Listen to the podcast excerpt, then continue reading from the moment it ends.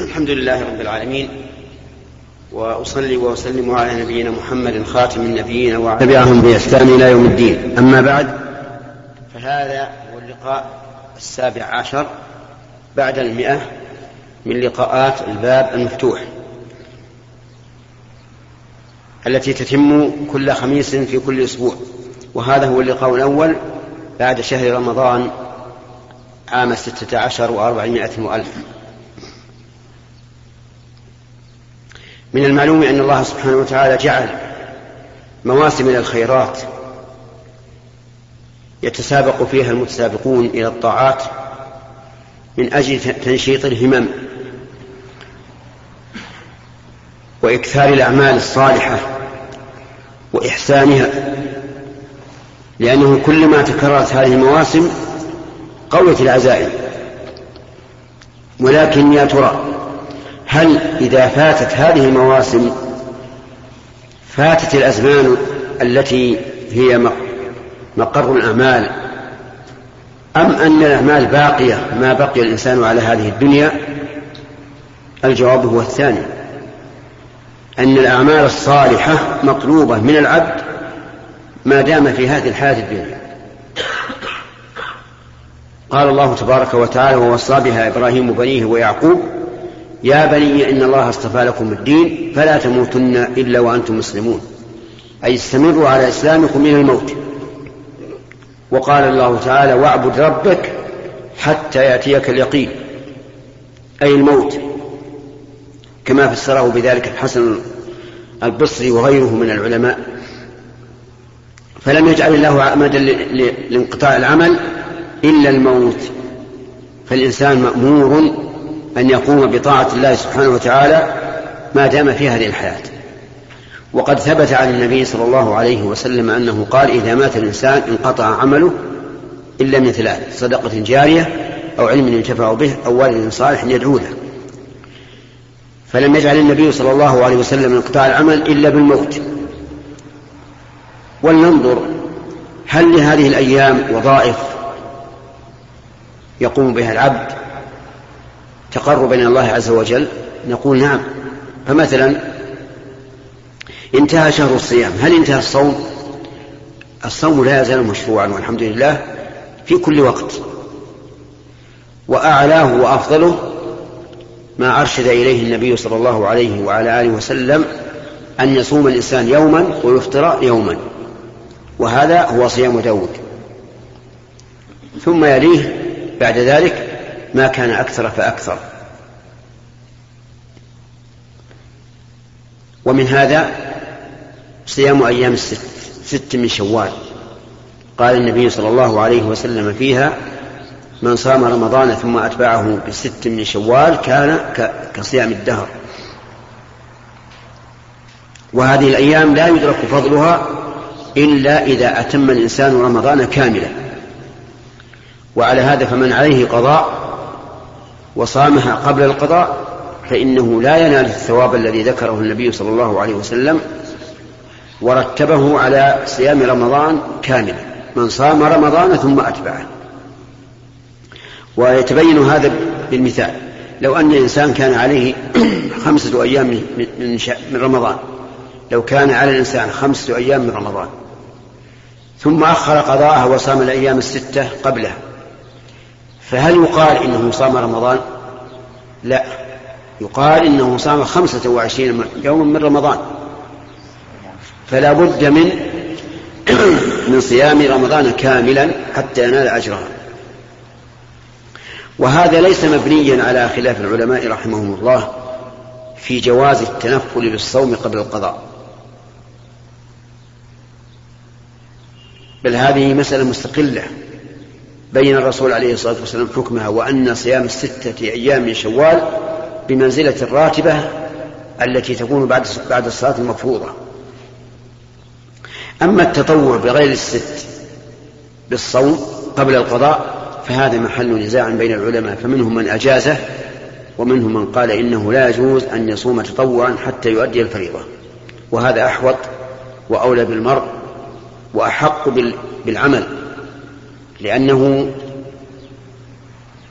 ليس من من من الخير أن تبدأ بالنفل وتدع الواجب. الواجب أهم إذ أنك لو مت لكان دينا في ذمتك. لكن النفل إن فعلته فهو خير وإن لم تفعله فليس عليك إثم ولا حرج. ومن ذلك أيضا أي من الصيام المشروع أن يصوم الإنسان من كل شهر ثلاثة أيام. سواء من أول الشهر أو وسطه أو آخره. لكن الأفضل أن تكون في اليوم الثالث عشر والرابع عشر والخامس عشر. ومن ذلك أن أنه ينبغي للإنسان أن يصوم يوم الاثنين والخميس.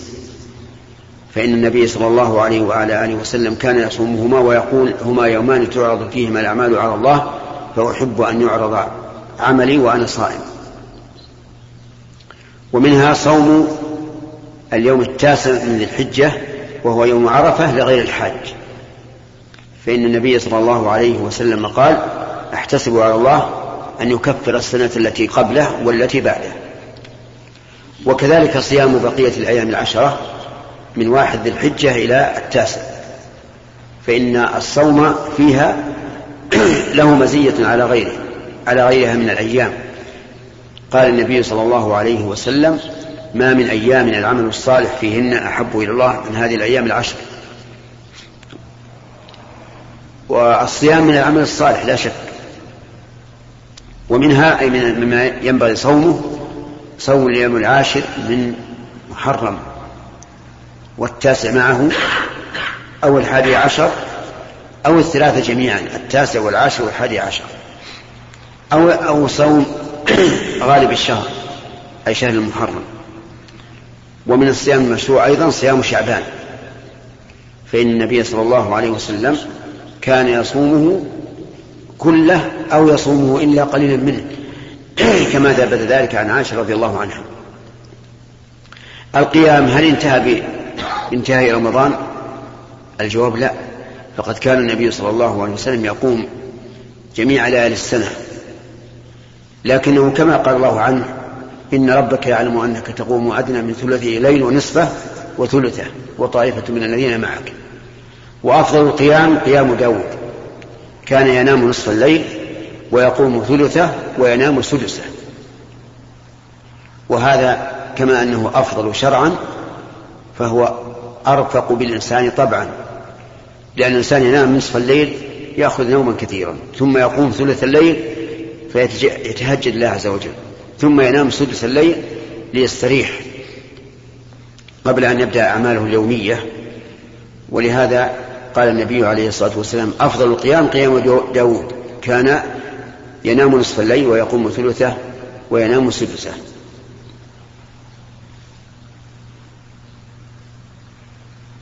وثبت عن النبي صلى الله عليه وسلم أنه قال إن الله ينزل في كل ليلة إلى السماء الدنيا حين يبقى ثلث الليل الآخر.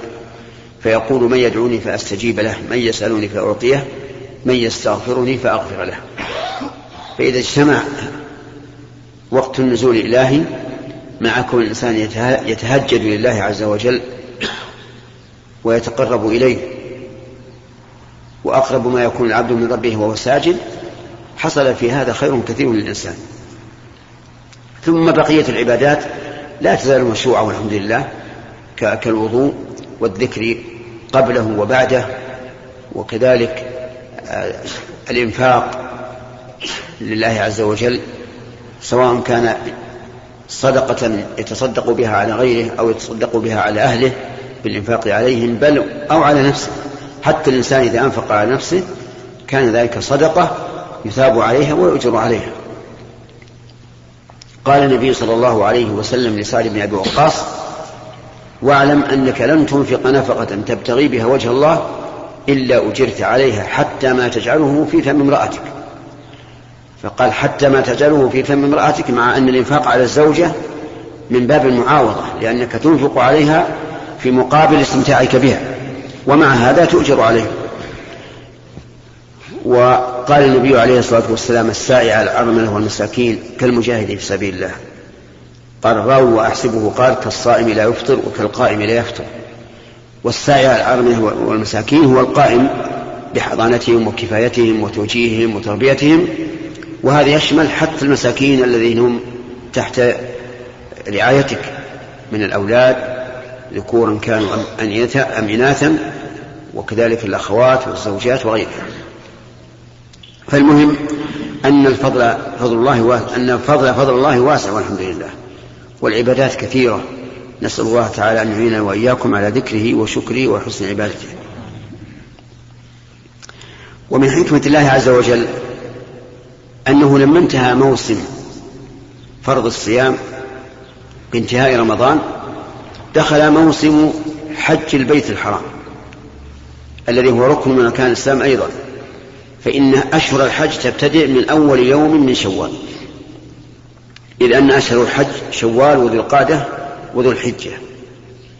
وهذه الأشهر كلها زمن لأداء لأداء الحج سواء أكان فريضة أم تطوعا.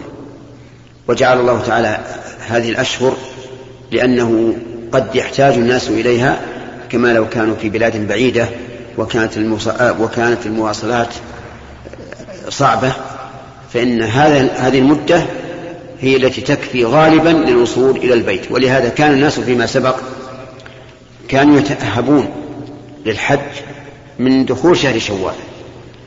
أما الآن والحمد لله وقد سهلت المواصلات فإنهم ربما لا يتهيئون إلا ونعم. لا يتهيئون ولا يستعدون إلا في زمن متأخر. ولا نعلم فلعل يوم من الأيام أن يحتاج الناس إلى ما كانوا يحتاجون إليه من قبل. من الإبل والبغال والحمير. إننا لا ندري هل الأمور تبقى على ما هي عليه الآن أو تختلف؟ الأمر كله بيد الله عز وجل. فالإنسان متقلب دائما بين مواسم الخير. حج آه، صوم حج ثم يأتي بعد ذلك الشهر الحرام شهر محرم وهكذا أبدا. فلله, فلله الحمد على هذه النعمة. ونسأل الله أن يعيننا وإياكم على ذكره وشكره وحسن عبادته. والآن إلى دور الأسئلة. نبدأ باليمين.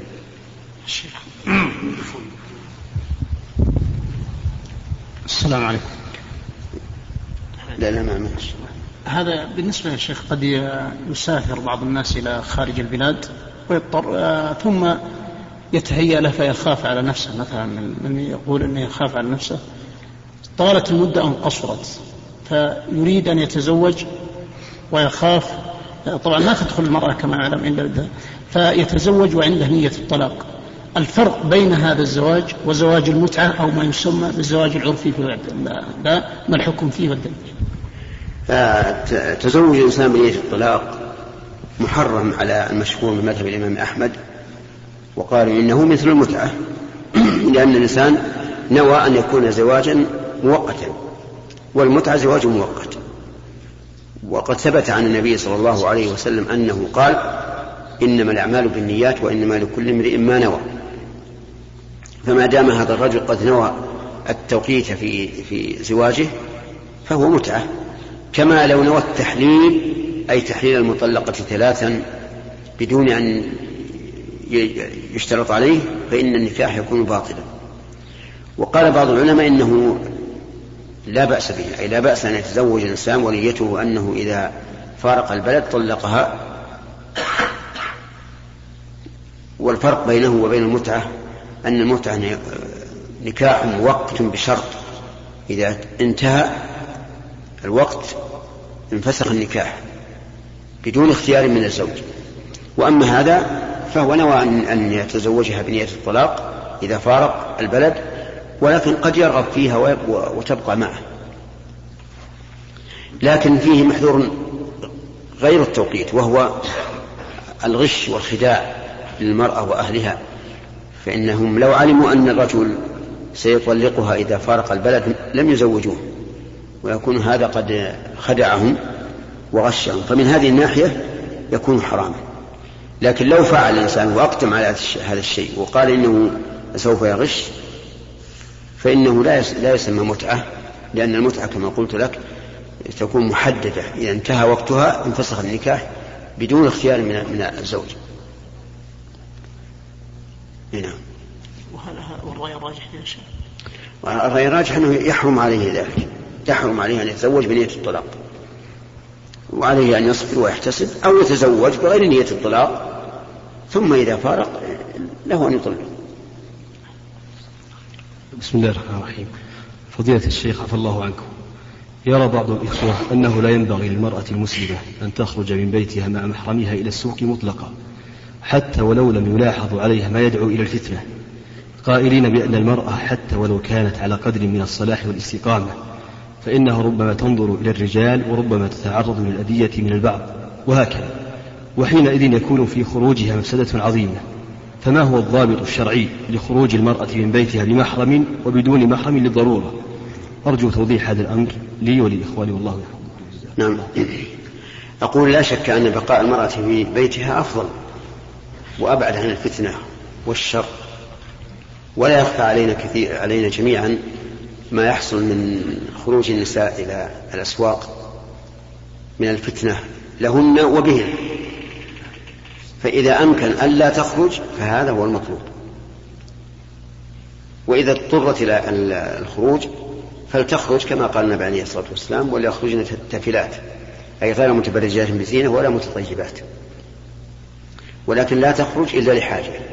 إما أن تشتري حاجة لا يقوم وليها بشرائها لأن السلع تختلف وهي قد تختار سلعة معينة لا يقوم وليها بشرائها مع أني أظن أن الأمر سهل وذلك بأن يشتري الولي السلعة التي ذكرت له ويقول للبائع إنه سيريها أهله.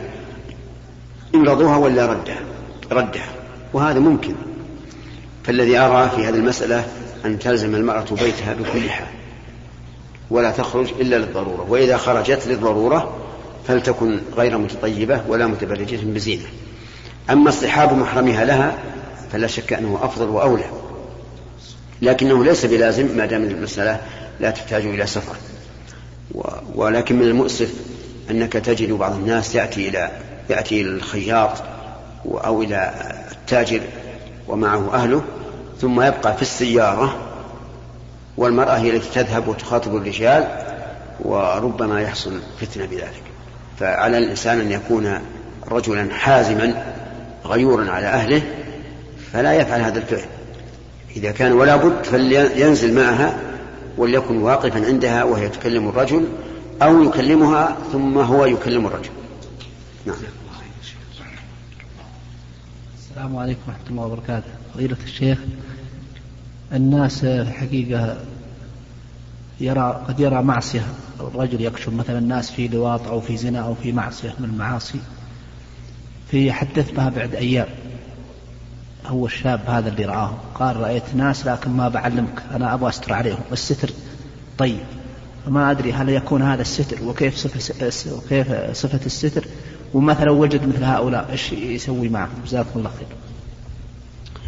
الواجب على من رأى شخصا على فاحشة أو غيرها من المعاصي أن ينصحه اولا ثم أن اهتدى فهذا المطلوب وإن لم يهتدي وجب أن يرفع أمره إلى ولي الأمر.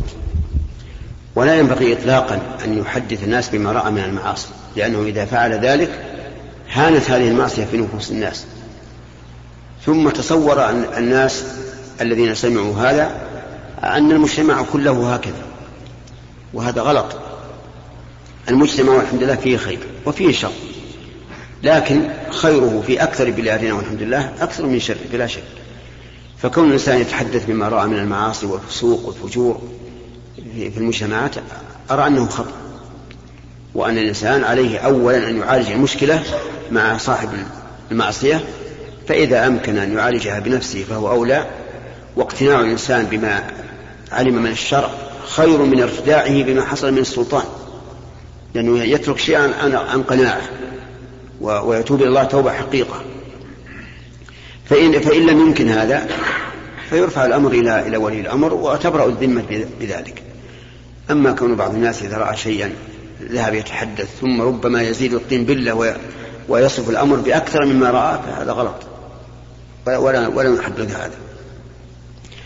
أما بالنسبة للستر إذا كان الإنسان لا يتمكن من نصح هذا الذي رآه على معصية فهذا ينظر إذا كان الإنسان معروفا بالشر والفساد فلا ينبغي أن يستر عليه. بل يبين أمره لولي الأمر. وأما إذا كان مجهول الحال أو معروفا بالاستقامة ولكن نفسه سولت له أن يفعل ما فعل فالستر عليه أولى.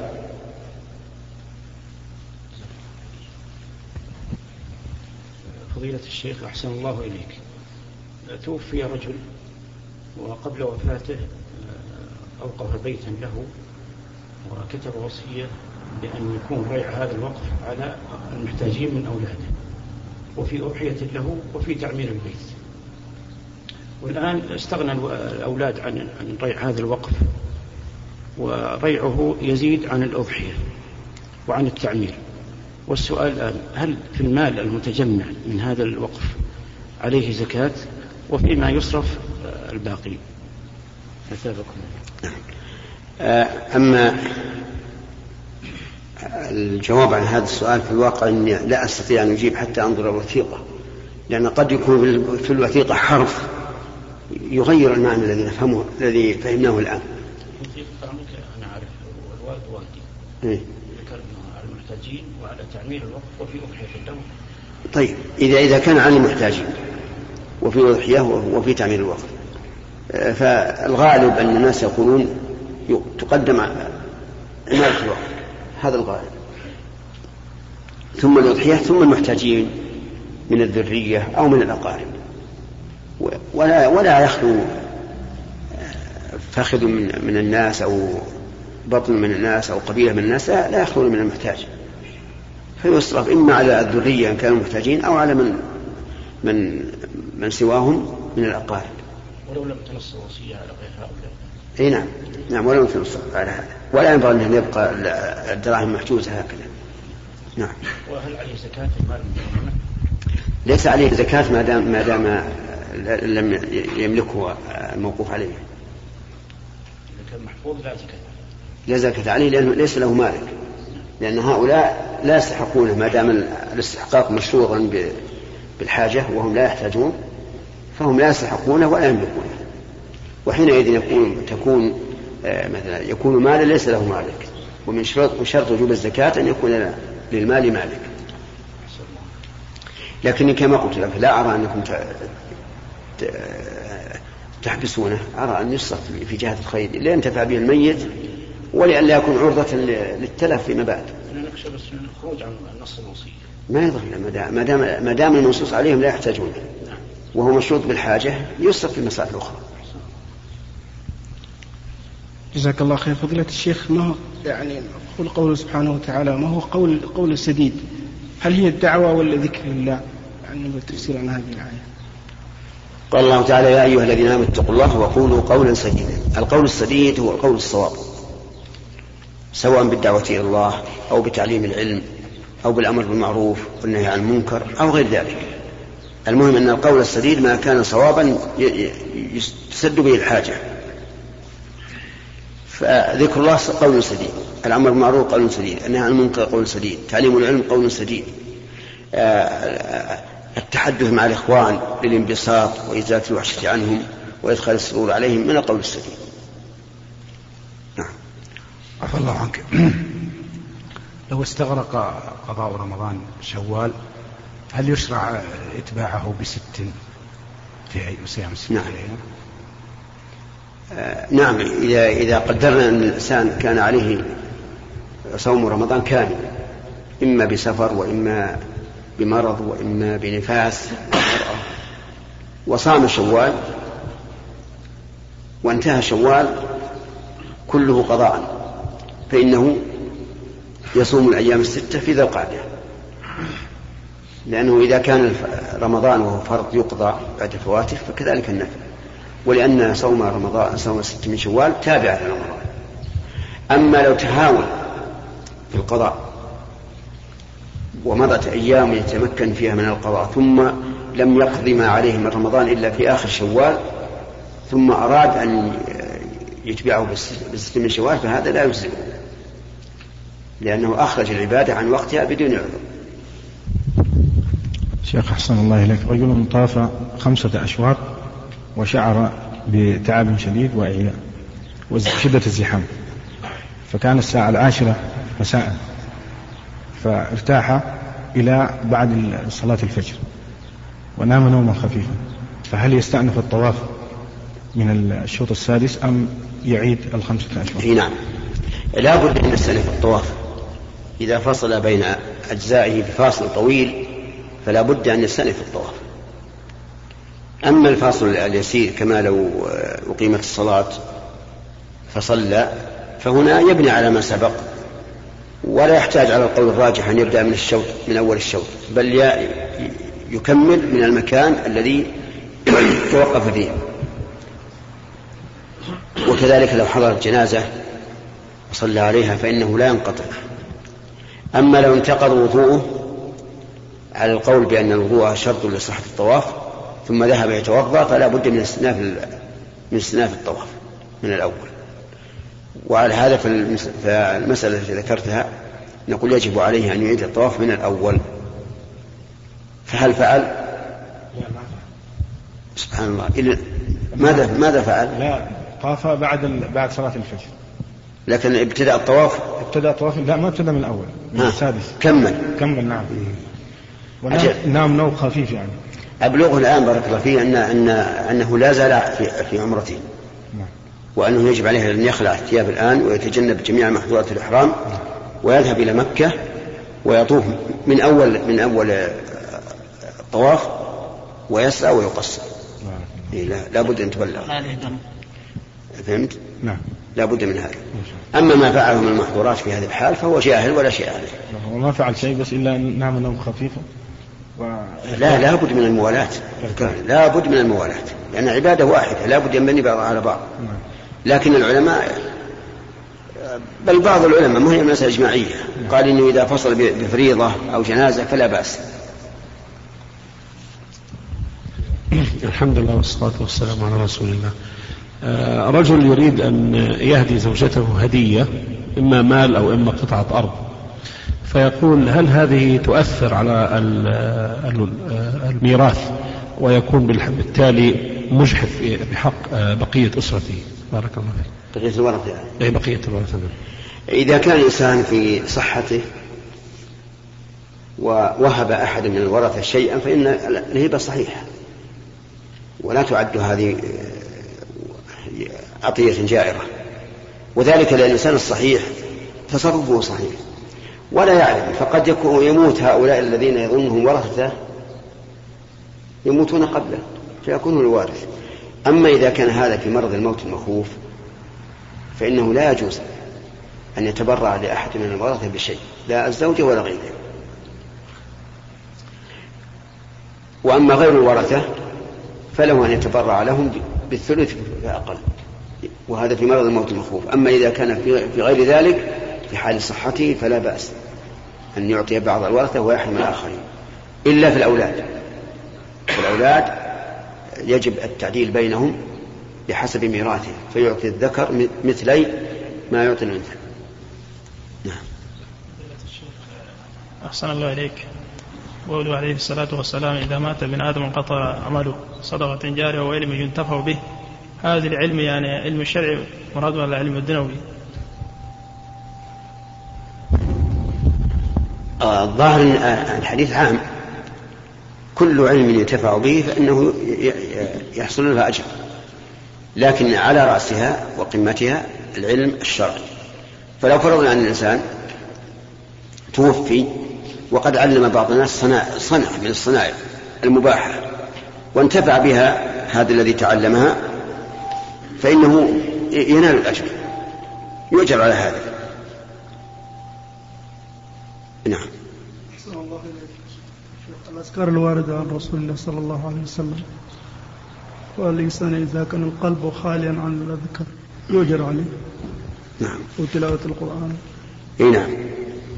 لا شك أن الإنسان إذا فعل العبادة بحضور القلب فهو أفضل. لكن لو فعلها مع الغفلة فإنه يؤجر على هذا. لأن أصل فعله إنما كان عن نية. نية تستقر بالله عز وجل. وهذا كامل بثبوت الثواب. لكنه يكون ناقصا بلا شك. ولهذا قال الله عز وجل ولا تطع من أغفلنا قلبه عن ذكرنا. ولم يقل من أغفلنا لسانه.